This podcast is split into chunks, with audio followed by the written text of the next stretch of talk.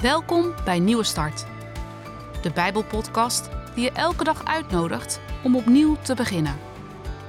Soms kan het leven ingewikkeld zijn, maar je hoeft het niet alleen te doen.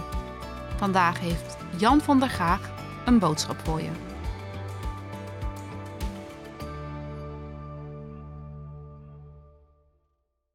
...2023.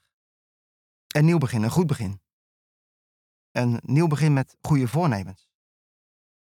Ik weet niet hoe het jou vergaat, maar bij mij komt daar nooit zoveel van terecht.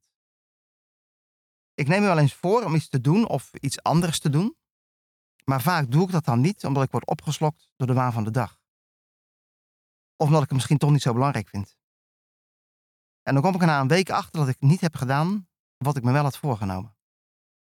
Dat is meestal niet zo'n probleem, maar het kan ook gebeuren dat je achteraf denkt: wat goed dat ik dit gedaan heb.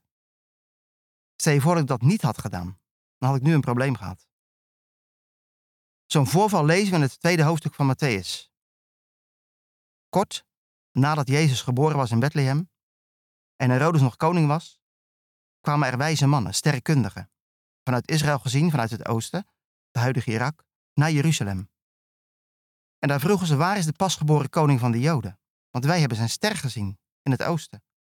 En we zijn gekomen om hem te aanbidden. Kijk, dat is nou zo'n voorbeeld waarvan ze later gezegd zullen hebben: wat goed dat we dat gedaan hebben. En natuurlijk hadden ze voorbereidingen moeten treffen. En ze zullen ook niet plotsklap vertrokken zijn. Maar ze zijn wel gegaan. Ze hebben zich niet laten tegenhouden door de lange voorbereidingen. Of door de lange reis. Dat was al gauw zo'n duizend kilometer. Of door de gevaren die er wellicht onderweg waren. Ze hebben geweten, die ster die we gezien hebben, heeft iets te zeggen.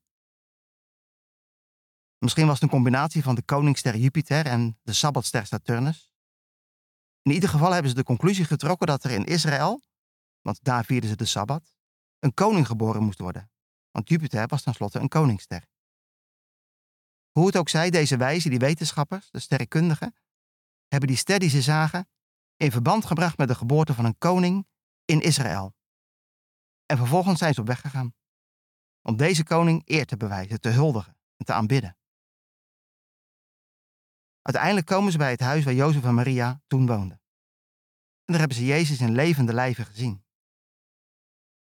Het was in die tijd de gewoonte om nieuwe heersers te huldigen, door diep voor hen te buigen en om ze cadeaus te geven.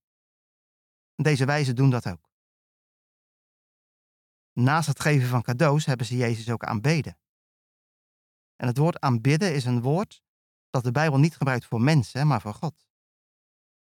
De komst van de wijze naar Bethlehem laat zien dat Jezus niet alleen mens is geworden, maar ook God is gebleven.